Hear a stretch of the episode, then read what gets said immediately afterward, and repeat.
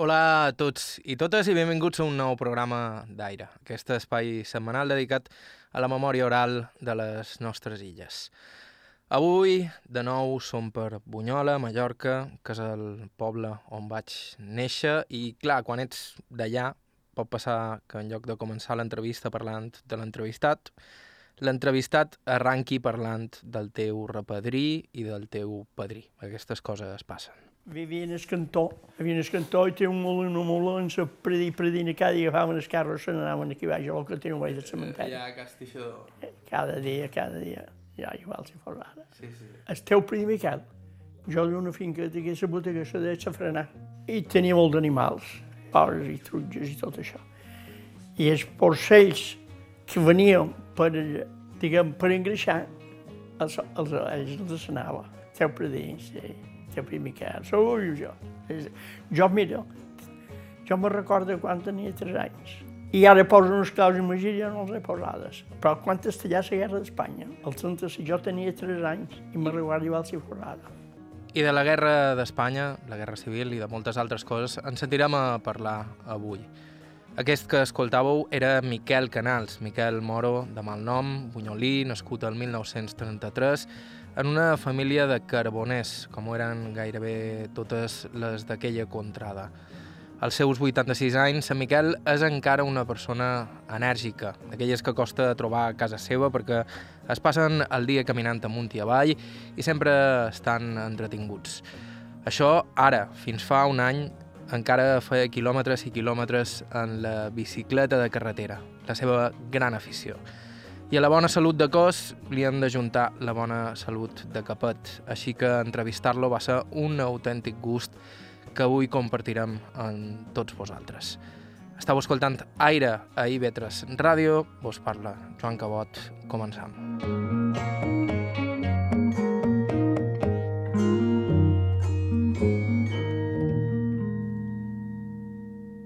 I arrencam a Camp Miquel, de nom complet, Miquel Canal Canyelles. Vaig néixer de 21 d'abril, de 21 d'abril del 33 vaig néixer.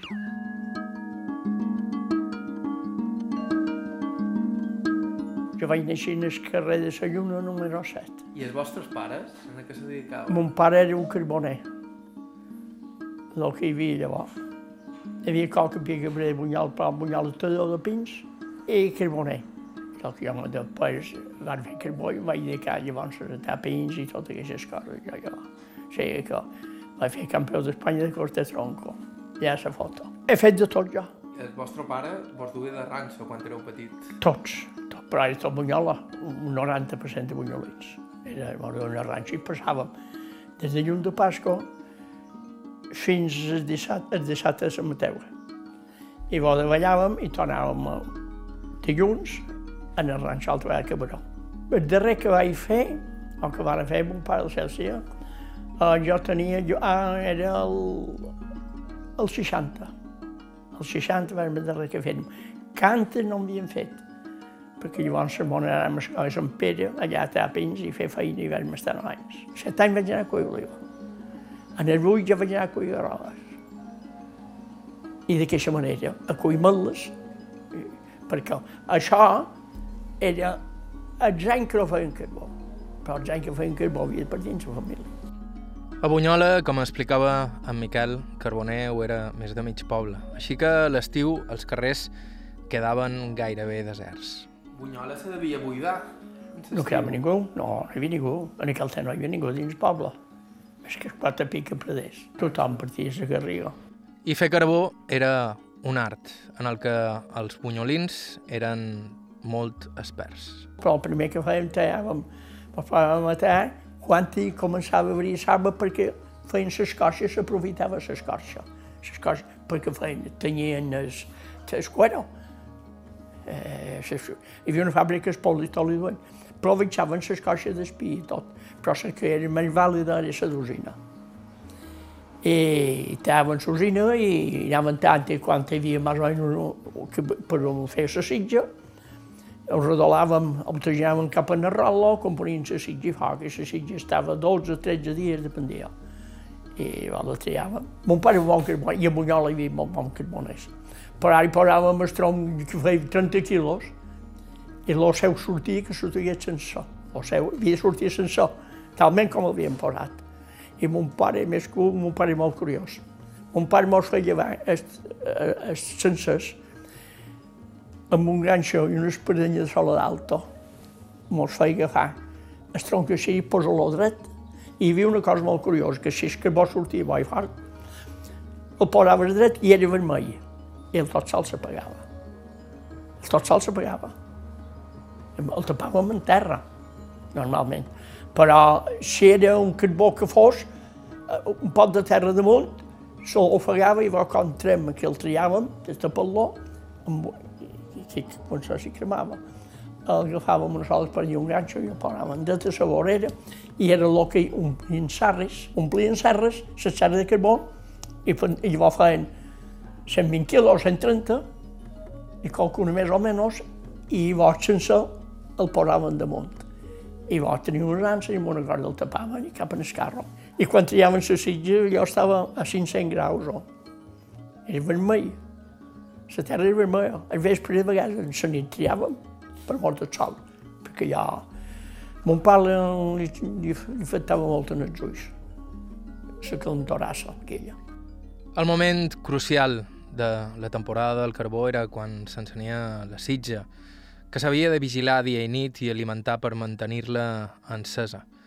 El secret era que allò anés cremant l'alzina a un ritme pausat i constant, per tal que el carbó sortís en perfecte estat i no es desaprofités ni un bocinat de fusta. Normalment s'aixecava sempre amb mon pare, però mon pare era un home que tenia poca son i ara m'ha de menjar la sitja perquè la sitja menjava. Jo m'aixecava amb un fanal, li feia llum damunt l'escala i ell li dava menjar, tapava i quan menja silla són els 4 o 5 primers dies. Llavors, 4 o 5, 6 dies ja menja menys. Però 3, 3 tonelades de carbó, 3 dos i mig o 3 o 4, dependia del rol o que hi havia damunt. Normalment feien 5, en la sitja, si hi havia eh, 5 tonelades, feia 6 viatges, el carro si muntanyes, i el Doi Palma. Normalment eren molts, carro per allà on davallava, bus, companyies molt per avall, i d'un bon frenes un, i li posen unes barres darrere, eren restaderes de pi, i amb una corda les tirava i anava a tope, la llanda del carro. I per avall, venien de ser bon molts, oh. El camió d'ara. El camí era camí de muntanya, el camí de muntanya. La comuna de Bunyola, la comuna de Bunyola. Si ara vesses els, els camins per allà on passaven molts carros, que feien la carretera i sortien del camí. És empejonat, un lliçàs, uns reclaus i una sonada de terra a un país de mats i per avall. Eh, no, no. Res com una bunyola. Jo estava a Pins, i si dius full de marit. I a Bunyola hi havia molt molts. I n'hi havia que tren mi viatge a la caseta de la comuna. I vol anar a cercar mig més. Hombre, hi havia 1.400 quilos i se davallaven per un camí que m'agradeu és, per ser com a gran per avall. I perquè el carro no s'endugués molt, li penjaven quatre peces, peces de metro, que feien 10 pans i mig, amb uns anells clavats en el catxalet del carro darrere i les peces arrossegant perquè s'hagués dut el carro per avall. Rossegant aquelles peces de metro com havia d'estar al camí. Això són coses que ho han de venir per contar-ho. Ara jo ho penso i dic, com se podia fer? Però se feia. Era el que hi havia.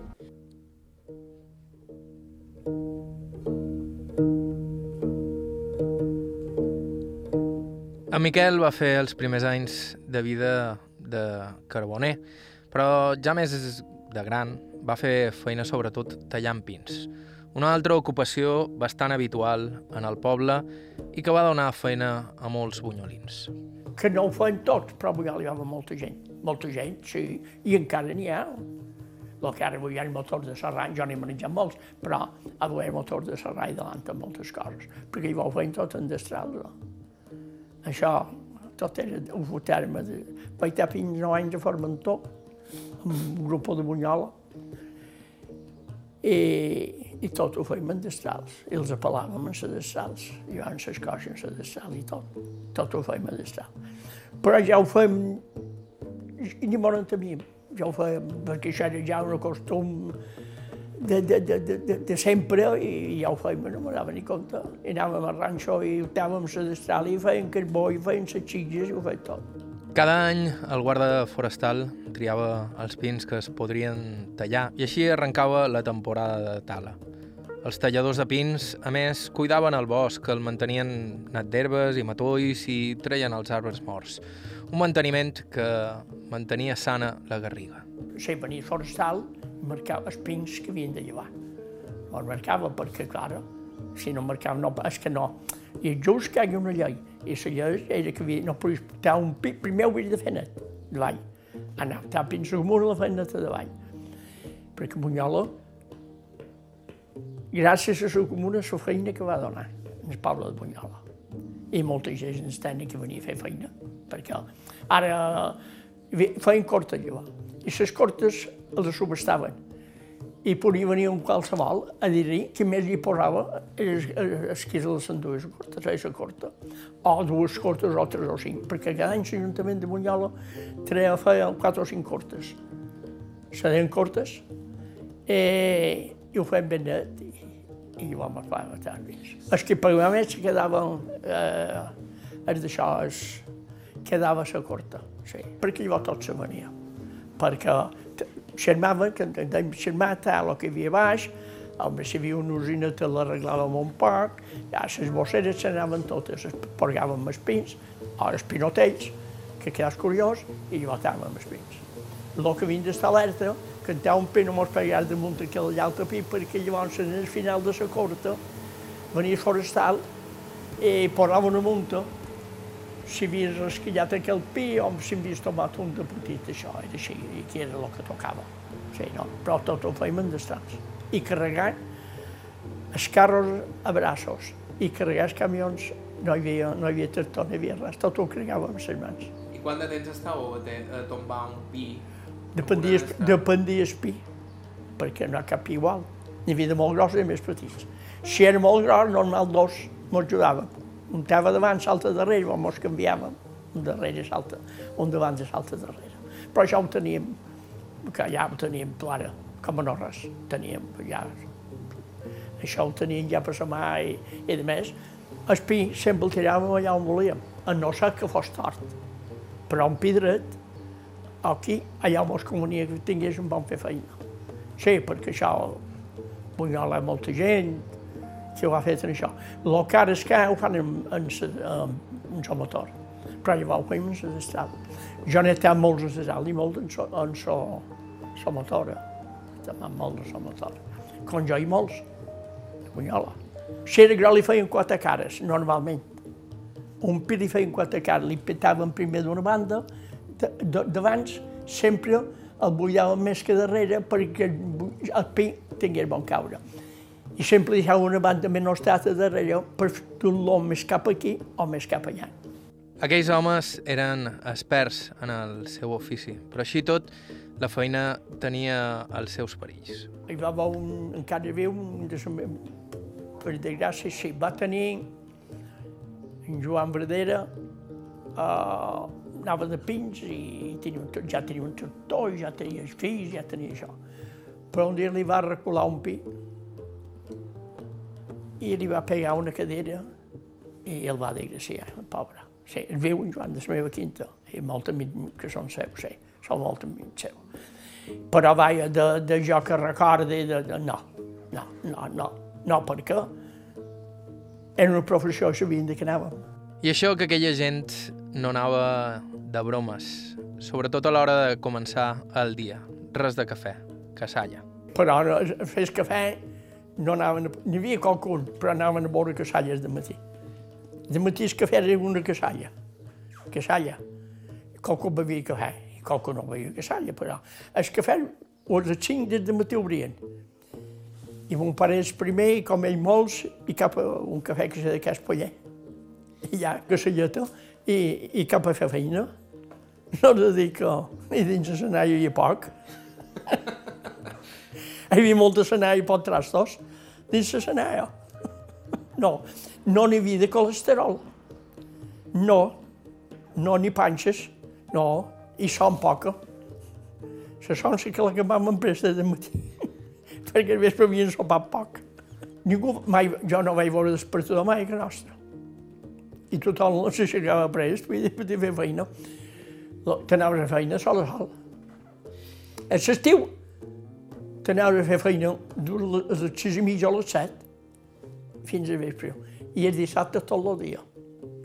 I els diumenges, si fes feina una finca, havia de guardar el diumenge, havia de menjar el bestiar, entrar a les cases i, i acompanyats senyors a missa. Jo n'hi he acompanyats. La galaire, jo n'hi he acompanyats. Quedava totes les setmanes a la finca. llavors diumenge encara, un diumenge sí, un diumenge no, quedava a guardar, pujava els senyors a missa, els mandava cap a la finca, i llavors entrar aigua, entrar llenyes, les cases i tot això, i de menjar les vistes. I fins l'altre, mengen, dissabte no pujava. Però de fosca a fosca. No hi havia hores. Hores més que un rellotge. Això per supuesto.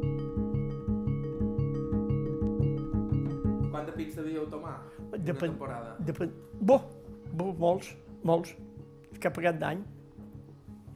Perquè de vegades ho agafàvem tant espí, escarada. I de vegades, segon cop, anàvem a jornal. Però normalment pas sempre ho tèiem a tant espí. Sí, però hi havia una cosa, de sol a sol. Anàvem a hora vea. No, no, només miràvem el sol. Ningú de rellotge. O el 90%, no, no. So sol, morríem so sol. Sí, i va, a les estrelles, la lluna. Més o menys contra que començàveu a, a pelar-lo, el teníeu en terra i el componíeu, quant de temps estàveu amb un pi? Quant de, quant, quant de pins podíeu fer en un dia? Per? Depenia dels fins. 10 o 12 10 o 12? o 15. O, però això dependia, o, o 7 o 8 dependia del pi. I si eren molt grossos, també en feies dos, lògica normal. Ara bé, anàvem a tant espí i procuràvem fer els que podíem. Feien molts, vull dir, en feien molts. Si anàvem a tant espí. I si no fèiem, feien la mateixa feina. Estàvem a espí, les brincàvem, fèiem els acompanyants, els trons, perquè tot s'aprofitava. Fèiem les feixines per donar sons, fèiem el companatge, que també els fons en cremaven, i, i les serradores, i va fèiem les peces de 10 pans i mig. En fèiem de 10, per això fèiem les travesses de tren. Les travesses de la via del tren, fèiem les travesses. I si era dret, fèiem les penses d'11 pans per dur a Manacor. Feien les barres de somier, d'espí, que fos dreta que no tenien molt de grots, molt, i, i els duen cap a Manacor. Tot això. I Palma, hi havia, a cada carrer hi havia dues serradores o tres. Tots els canastres se feien de madera. A hi havia un de serradores, que de Munyola hi havia molt de metre a Solla. Amb xari per fer canastres. Feien fusteta, feien a llistons per fer els canastres. A Solla en feien de canastres, ja n'hi havia fet a Solla. Perquè primer, tots els canastres, ara que que són que hi ha, no eren, eren canastres, jo encara en tinc un. Eren canastres eren, que havien 30 quilos d'oliva, perquè també cuim molt oliva d'alta. Entonces, feien 30 quilos. I ara són caixes de plàstic. I tot va en plàstic, és molt còmode, és més barat, perquè fer un canastro de 30 quilos, com hi havia llavors, de madera, costava molt. I perquè feia molta feina. Però hi havia professionals i els feien, ràpids, però jo em vaig fer escollo i, i allò era una artesania, el que hi havia primer. Ara, el plàstic i plàstic, que són de plàstic i és plàstic, per jo. Dona molta feina el plàstic, però també n'ha llevada molta a la madera. En Miquel Canals era tan bo en això de tallar pins que va guanyar el campionat d'Espanya de tallador, fins i tot enfrontant-se contra els talladors de fusta bascs. Poca broma. Vaig guanyar, sí, van guanyar els bascos. Això era el, el dia... Vamos a ver. Dia de Santa Teresa de Jesús, que és dia 7 d'octubre del, del 57. Era Miquel Canals, Miquel Moro, nascut el 1933 a Bunyola. Estau escoltant Aire, feim una breu pausa i continuem.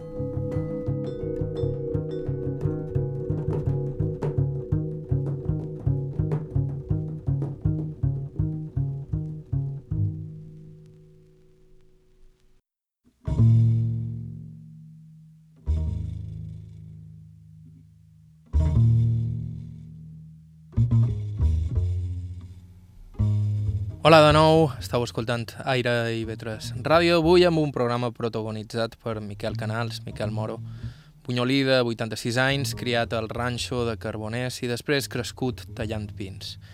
En Miquel, com hem dit abans, conserva una memòria prodigiosa de la història del poble. De fet, ell ha estat una de les persones que ens ha parlat amb més detall dels fets succeïts allà durant la Guerra Civil, uns dies que molts varen viure però varen esborrar de la seva memòria. Fins ara tothom ens havia dit que per allà havia passat poca cosa, però Miquel ens va explicar que alguna cosa sí que hi va haver. I de fet ens va contar una història bastant extraordinària d'un pilot feixista que donava ametralladora per la Garriga sense mirar gaire prim. No hi va haver res en sol sentit perquè llavors el poble era molt petit, només en van fusilar un un. Ara que ne van empenyar molts, sí. A la presó n'hi van endur molts. Aquí, va, aquí antes, antes jo no me record, però antes de, de, de la guerra d'Espanya, mon pare m'ho contava i això i ma mare, hi va haver molt de trulli, perquè llavors hi havia una república. Hi havia vingut un pot de trull, clar que hi de república va haver trull, perquè, clar, d'un republicà a passar la dictadura, això no, no anava bé, i entonces prova d'això hi va el que hi va haver. Hi va el que hi va haver. Eh, hi havia la república. I, i ningú sabia llegir ni escriure, però a la seva manera feien mitins i coses rares i contaven desbarats, perquè eren desbarats, perquè avui la gent és espavilada.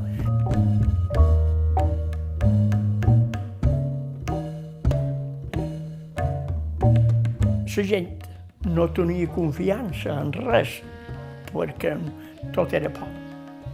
Perquè la gent si anava a fer feina, eh, no estava segur si podia fer feina tranquil o no, perquè eh, hi havia un senyor en el poble, avui no anant ni en nom, que tenia una avioneta i s'aixecava de matí i, i per tot un bunyol i per Fabi, la Serra i Orient, ho crivellava de, la metralladora en l'avioneta. Tot el que se movia, jo he viscut en això. Sí, jo tenia una tia, germà de mon pare, i era viuda, i llavors no s'usava ni butano ni petrol, no hi havia res. I van aquí a Son Serra, Son Serra, secar un feix de llenya, una secada, i va dur sort. Sentia la avioneta que quedava metralladora i ella havia fet un feix de llenya ja per partir cap a Bunyola, perquè només hi ha un quilòmetre, un quilòmetre i mig, aquí on era. I se va allà un ball d'un marge, això és comptat de set anys, no? I la crevillaren més normal que no la plegaren, però era així, això. La gent no podia anar a fer feina, tenia, havia de tenir bo perquè el feia, ho feia. I passava per aquí damunt i per aquell bosc, hi havia gent que feia carbó, això me recordo un pal Celsiu, uh, on hi va passar per damunt el coll de soia, i nosaltres érem el coll de soia, que feien carbó. I mon pare va dir, m'ho guardi dins la barraca, però era dins la barraca on se tot. I era passar per allà molt mirat, perquè va passar que molta gent de soia fugir. I va venir cap en els bots fugint, i van venir els bots de per Fabi, per la serra, i s'anaven cap a Orient. Home, no dava material per el bo, perquè havia gent que havia fugit i ell que demostrava que ell se cuidava, se cuidava, que feia voltes per damunt i que ell era allà. És així, això?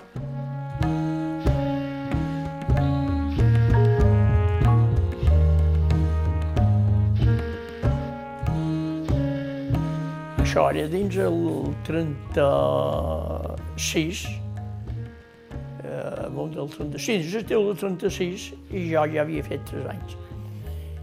I el que jo me record més que mon pare i mon mare no mos parlaven de res mai, d'aquestes, no, ara, ni em podies parlar d'aquestes coses. Però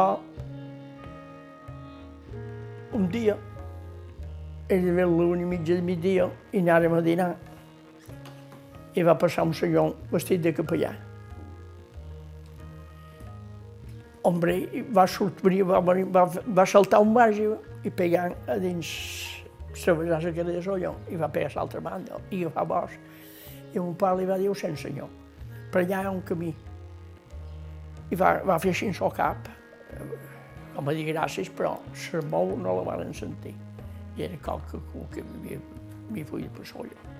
No ho vàrem imaginar, no de dir que això són coses que vas pensant i vas pensant i, i la gent s'amagava i fugia així el que podia, perquè era, era així això. No, no, de dir que ara una pagès que no feia... No, era així. Això és que el senyor va fugir i no el veren pus. I de Bunyola va haver de fugir molta gent? No, no va fugir gent perquè no, a Bunyola va fugir gent. A Bunyola el que em van endur a la presó, però fugir gent no. Bunyola va desaparèixer un, només un, Bunyola. Que sabeu qui era? Sí. Jo no l'he conegut, era nen i va desaparèixer i té família a Bunyola, molta família a Bunyola. I tenia 24 anys. Jo suposo que estava realitzat en qualque cosa. Suport no ho sé, són coses que pares nostres no en parlaven mai. No, no, jo com sentir-ho contar i dir-me coses i tot això, que com moltes coses me recordo, sí. Jo me record de, de, de passar plaça, els lios que havia, perquè mon pare me treia, anava a sortir, anava al cafè i me duia, al cafè amb ell.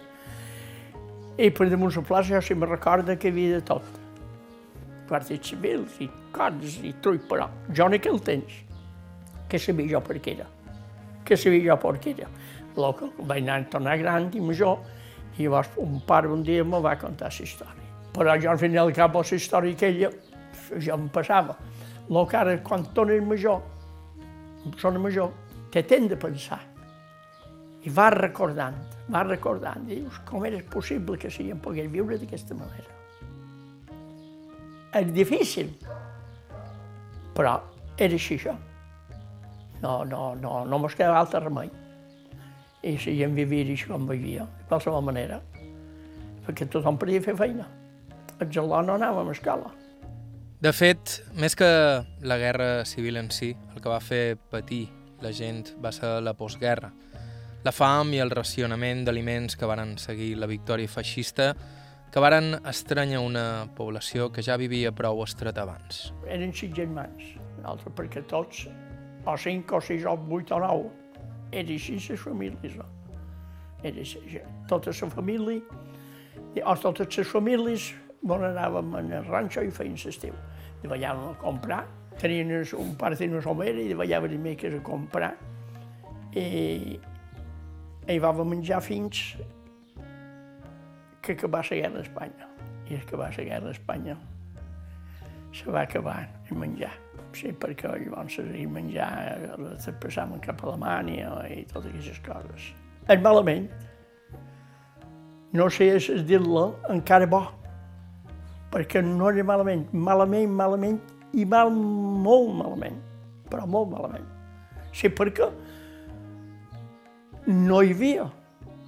No hi havia i les coses eren com eren i bo, i els havies d'acceptar perquè no hi havia resposta. I bo, que va la guerra d'Espanya, després de la guerra d'Espanya, les coses se posen peor. Peor perquè llavors no va durar un any, anys i més anys, no? N'hi havia qui tenien, n'hi havia qui no tenien. O sigui que hm, els que tenien menjaven i no tenien no menjaven. Els que tenien un solar sembraven, un, però la gent no se podia dedicar a sembrar, sembraven, però no tenien temps perquè havien de poder fer feina. I de més la gent, feina de dilluns a dissabte vespre. I els de la Garriga els diumenges feien feina. O sigui, era així això. No, no, no, no, no hi havia res millor més que això. I les coses els han d'haver viscut per compte-los. Perquè jo he anat en cartell de racionament.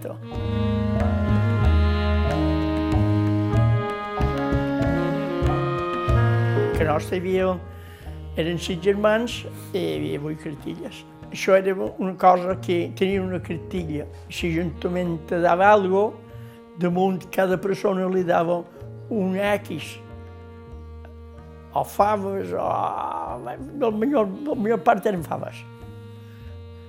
I això era el que hi havia. Però llavors les coses no... No eren, diguem, de poder dir, em vull comprar un quilo.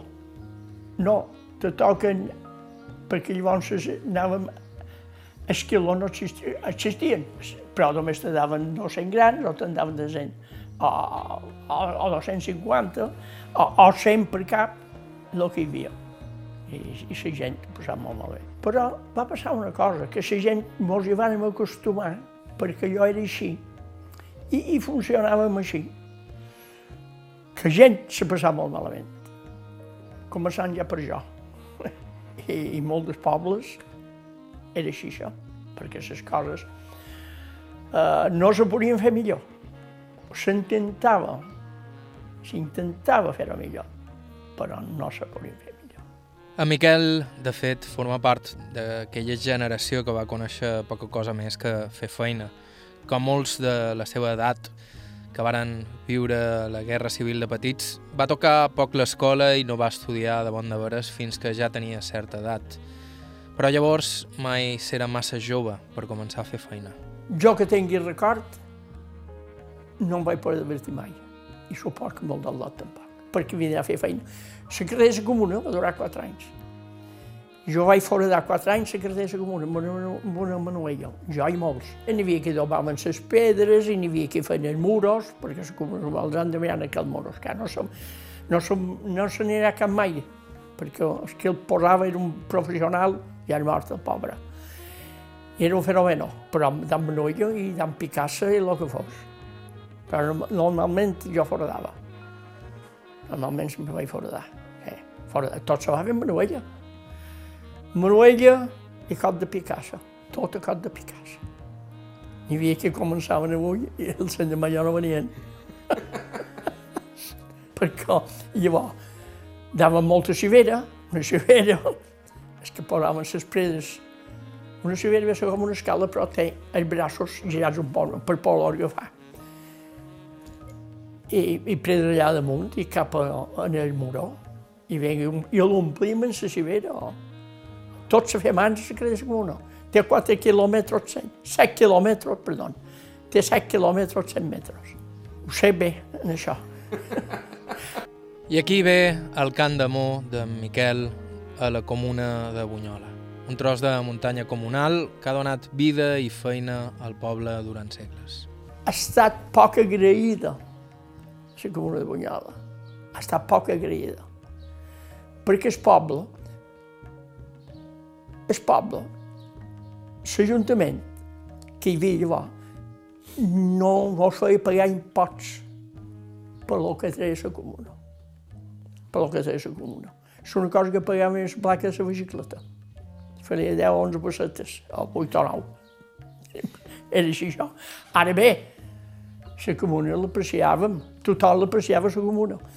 Vull dir, de llenya anava a cercar un fill de llenya, perquè llavors no hi havia no hi havia botana.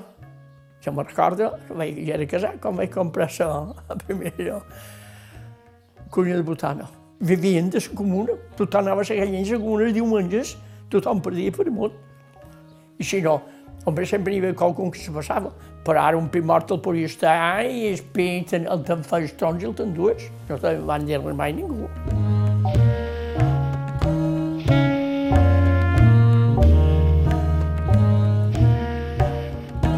Jo la comuna sempre l'he dorada i molt de bunyolins, pesar que n'hi va que hi pegaven foc.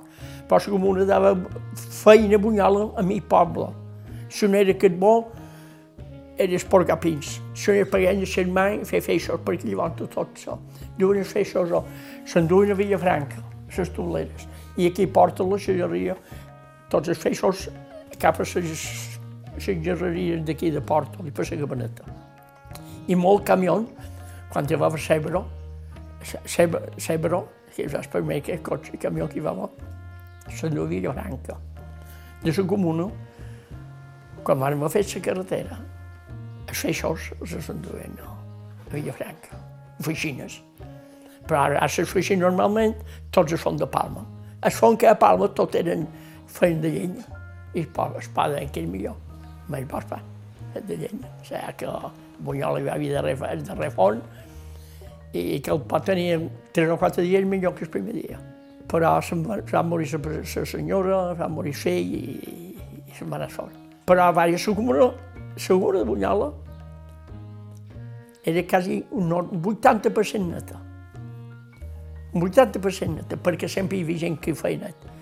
Te daven voreres, porgaves espint, te daven per tu, els bosseres, eh, un pitort, una usina en terra, i la gent se defensava. Se defensava, igual el que hi havia, no hi havia resposta. Però la comuna, d'una banda a l'altra. En l'estiu no te deixaven fer foc. Ara feia sitges, en l'estiu, feien el carbó, i mai ningú va pegar foc. I ja no fan sitges i peguen foc per tot. Això que Déu s'ha pegat foc, no. N'hi han pegat foc. Li han pegat foc. No s'encén la garriga. La benzina pot estar en el sol i no s'encendrà. Se li dona una metgera que s'encén. I la garriga és igual. Jo vaig veure fa dos pits, tenia vuit anys, a damunt el coll d'Orient. S'hi havia pegat foc dos pits. Jo tenia vuit anys quan la besa m'era foc. I ara deu fer 35 anys o 40 i se'n torna a pegar de foc. Però és que n'hi peguen, no s'encén tot sol. La comuna de Bunyola en aquell temps estava de gent que feia carbó, gent que feia foc, gent que tava pins, gent que... perquè feia mardinar migdia i feia foc. Mai ningú va pegar foc.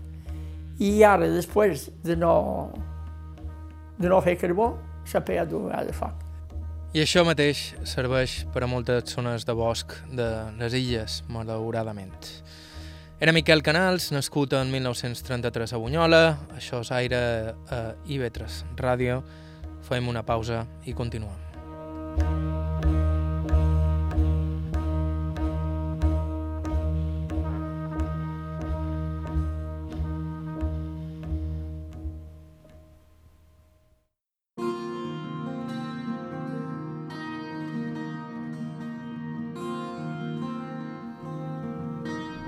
Hola de nou, estàu escoltant IB3 Ràdio, això és Aire, aquest espai setmanal dedicat a la memòria oral de les nostres illes. Avui amb un programa que té molta relació amb alguns dels anteriors que han fet aquesta temporada, que li han pegat bastant per Bunyola. Us recordam que si voleu sentir algun dels nostres programes anteriors o tornar a escoltar aquest mateix des del principi, ho podeu fer a ib3alacarta.com o bé a través del nostre podcast, que trobareu a Apple Podcasts i de més serveis per l'estil.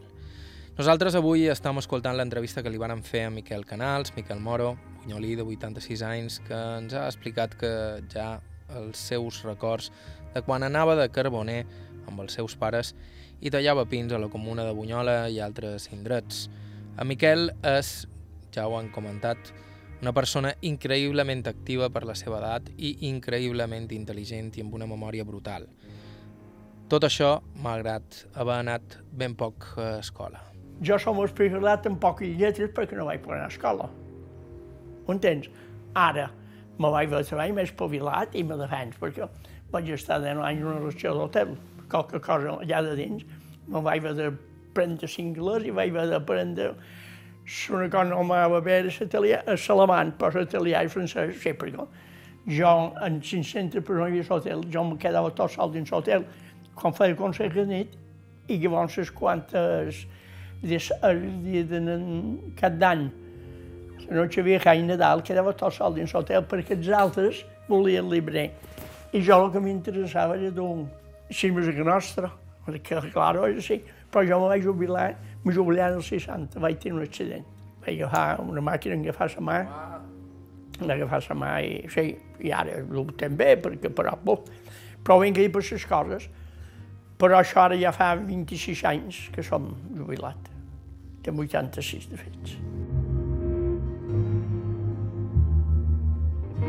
Jo no vaig anar a escola fins que vaig tenir 16 anys o 17, a escola de vespres.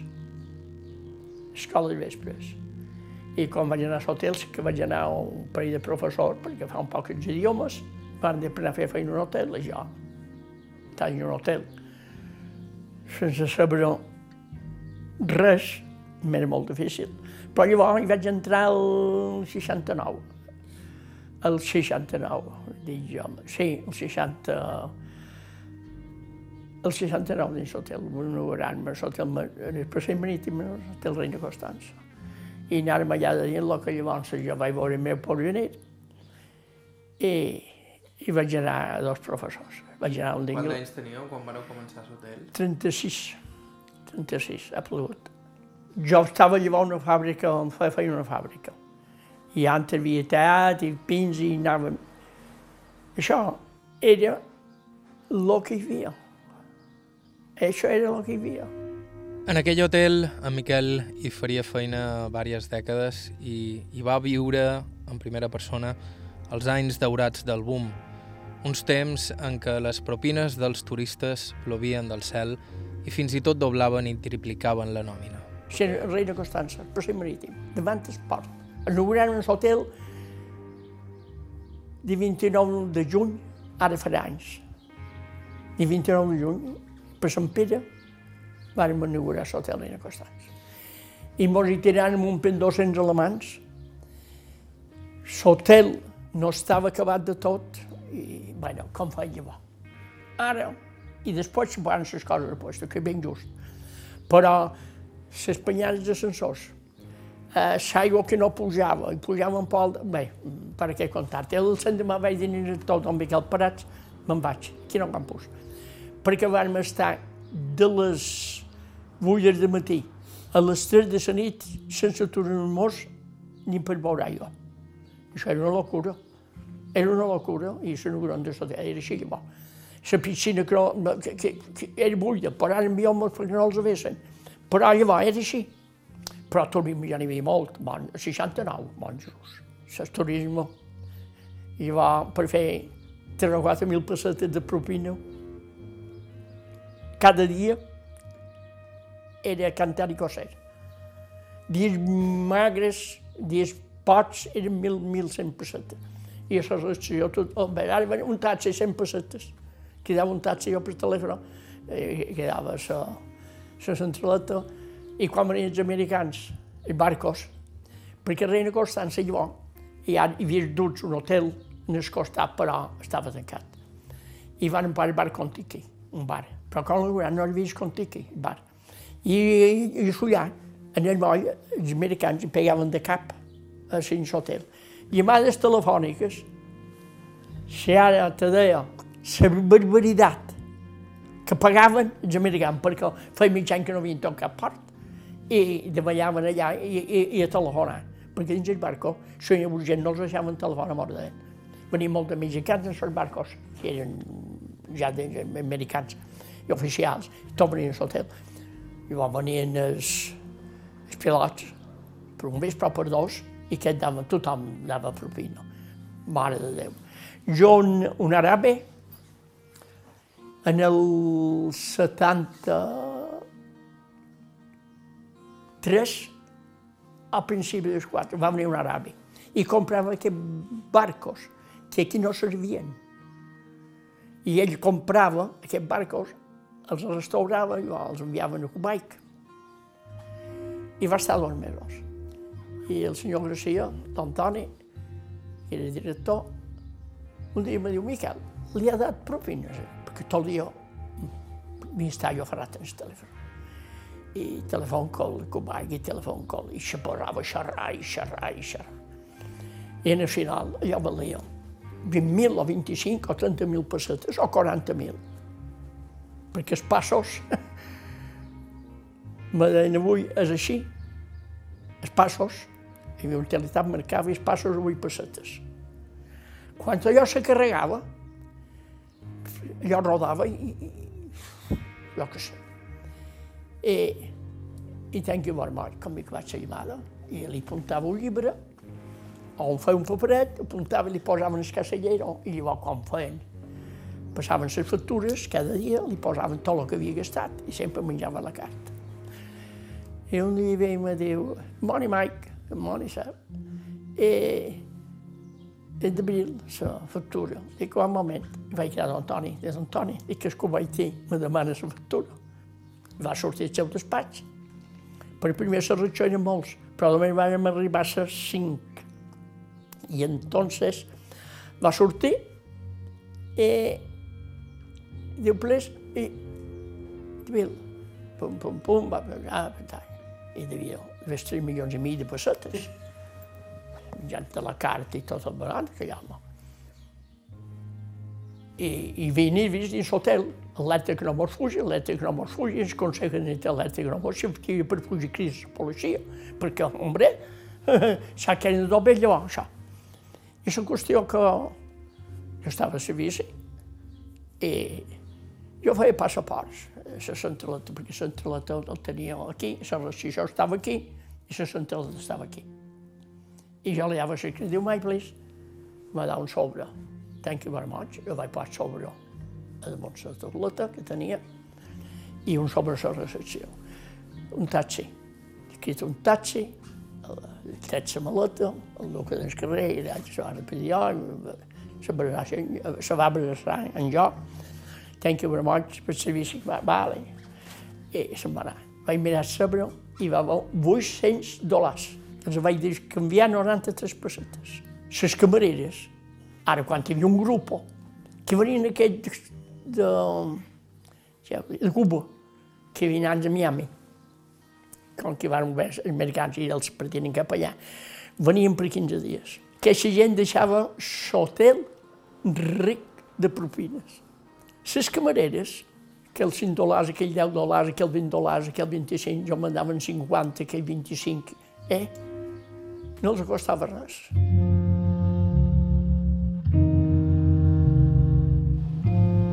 Abans, en Miquel ens contava que mai havia tingut temps lliure de petit, que no tenia temps ni per jugar, però ja de gran va canviar la cosa.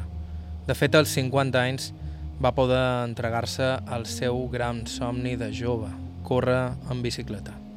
A Mallorca hi havia una gran devoció pel ciclisme i en aquells anys fins i tot hi va haver algun ciclista professional. Però a Bunyola se'n passava una cosa. En el meu temps no hi podia un corredor. N'hi va haver, ho provaren. Hi havia un Bunyola, hi va haver bastant que ho provaren i no van bé, però n'hi havia un que tal Boades era un molt bon corredor, però no, no tenia per menjar.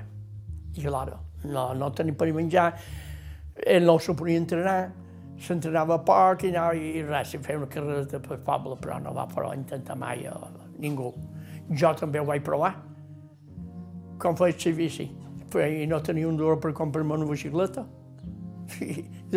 vaig anar a una bicicleta a Can Minaco, estava a les remungudes, i, i vaig mirar una bicicleta mai molt, i me demanaren 2.000 pessetes, i no tenia un duro. Vaig provar de cor pel poble, amb una bicicleta d'un cosí meu, i, i jo no me pegaven per marillar, perquè és així de petit. Res. I llavors, de casat i ja, ja major, major ja tenia jo llavors 50 anys. Sí, 47 o 8. I va haver comprar una bicicleta, més o menys. I en què la feina, si tenia temps, si tenia temps, Partíeu en... en la bicicleta, anava a fer feina, i que va ser i els dissabtes i els diumenge bicicleta. I en els 58 anys, 59, vaig dir l'accident de la mà i vaig agafar una bona bicicleta. Una Rossini italiana i jo feia 110, em feia 120, em feia 130 quilòmetres. Quasi cada dia, cada dia, cada... 58 anys. Fins l'any passat, 85. De fet, en Miquel va fundar el Club Espedal, el club ciclista del poble, que va organitzar curses per les festes durant una bona partida d'anys. I ho ha comentat de passada abans, però si no t'hi fixes ni te n'adones. En Miquel va tenir un accident fent feina i va perdre dos dits de la mà esquerra. Això va ser després de deixar la feina a l'hotel per posar-se de picapedrer. I jo m'agraden les coses, les eines que jo empleia, de les molt bé, de les curioses. I jo cada hormigonera, la hormigonera ben neta, i me duien una altra hormigonera més grossa, molt bruta. I s'encarregat me diu, Miquel, si tens temps i tires un, dues senalles de grevilla amb aigua i que rasqui vols que rebassa tot el que du ferrat. I jo hi posava maig, com es punya dos punys i tinta tam, i voltes tot el dia. I fèiem els pisos aquí a la cabana, que dèiem aquí a. I hi havia guixaines, ja feien els pisos, eren pisos dosats, i li demanar un man d'espart, d'aquell llarg de guixaina. I va dir que fes que vulguis. I de damunt el primer pell me'n tirant un manat i vaig agafar l'espart i el vaig enrotllar per la mà. I com que l'engranatge, la hormigonora el tenia de fora, tenia, tenia de fora, vaig deixar una cova, i com vaig anar a posar damunt la capota, l'engranatge m'agafà. La cova l'espart i ja em va tenir la mà. I,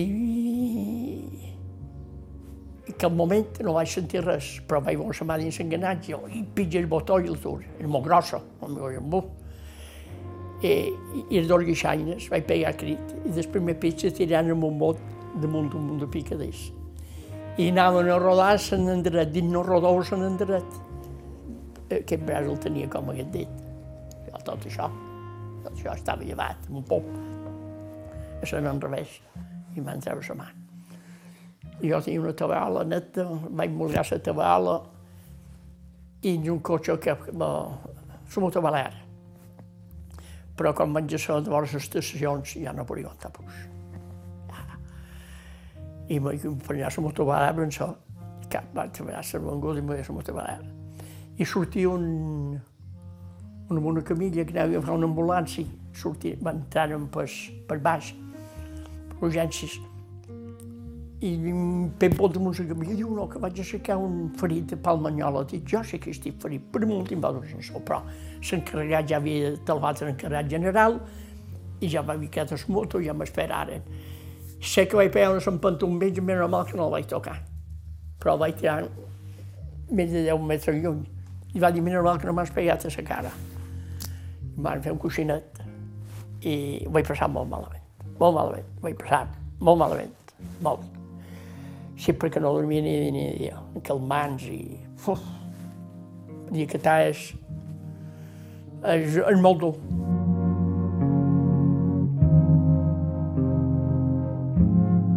Però, en fi, ho he tret i he fet de tot amb això mal. Ei, i no me queixo, no me queix, perquè fins l'any passat he fet bicicleta. Jo m'han enfilat els cotxes, la bicicleta.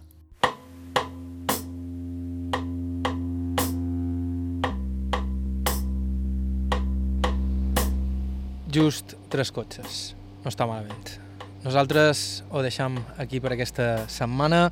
Moltíssimes gràcies a Miquel Canals i la seva dona pel seu temps i amabilitat i gràcies de nou a Bàrbara Suau de les revistes Castellet de Bunyola per suggerir-nos aquesta entrevista. De fet, vos recordam que si ens voleu proposar alguna entrevista ho podeu fer enviant-nos un correu a aire.ivetresradio.com o deixant-nos un missatge al 971 13 99 31. 971 13 99 31. També ens podeu seguir a Facebook i Instagram i si vos voleu subscriure al programa ens trobareu a iTunes i de més serveis similars. L'arxiu complet d'aire el teniu a ivetresalacarta.com. Bàrbara Ferrer a la producció executiva i Quer Hernández a la producció tècnica. Vos ha parlat Joan Cabot. Fins la setmana que ve.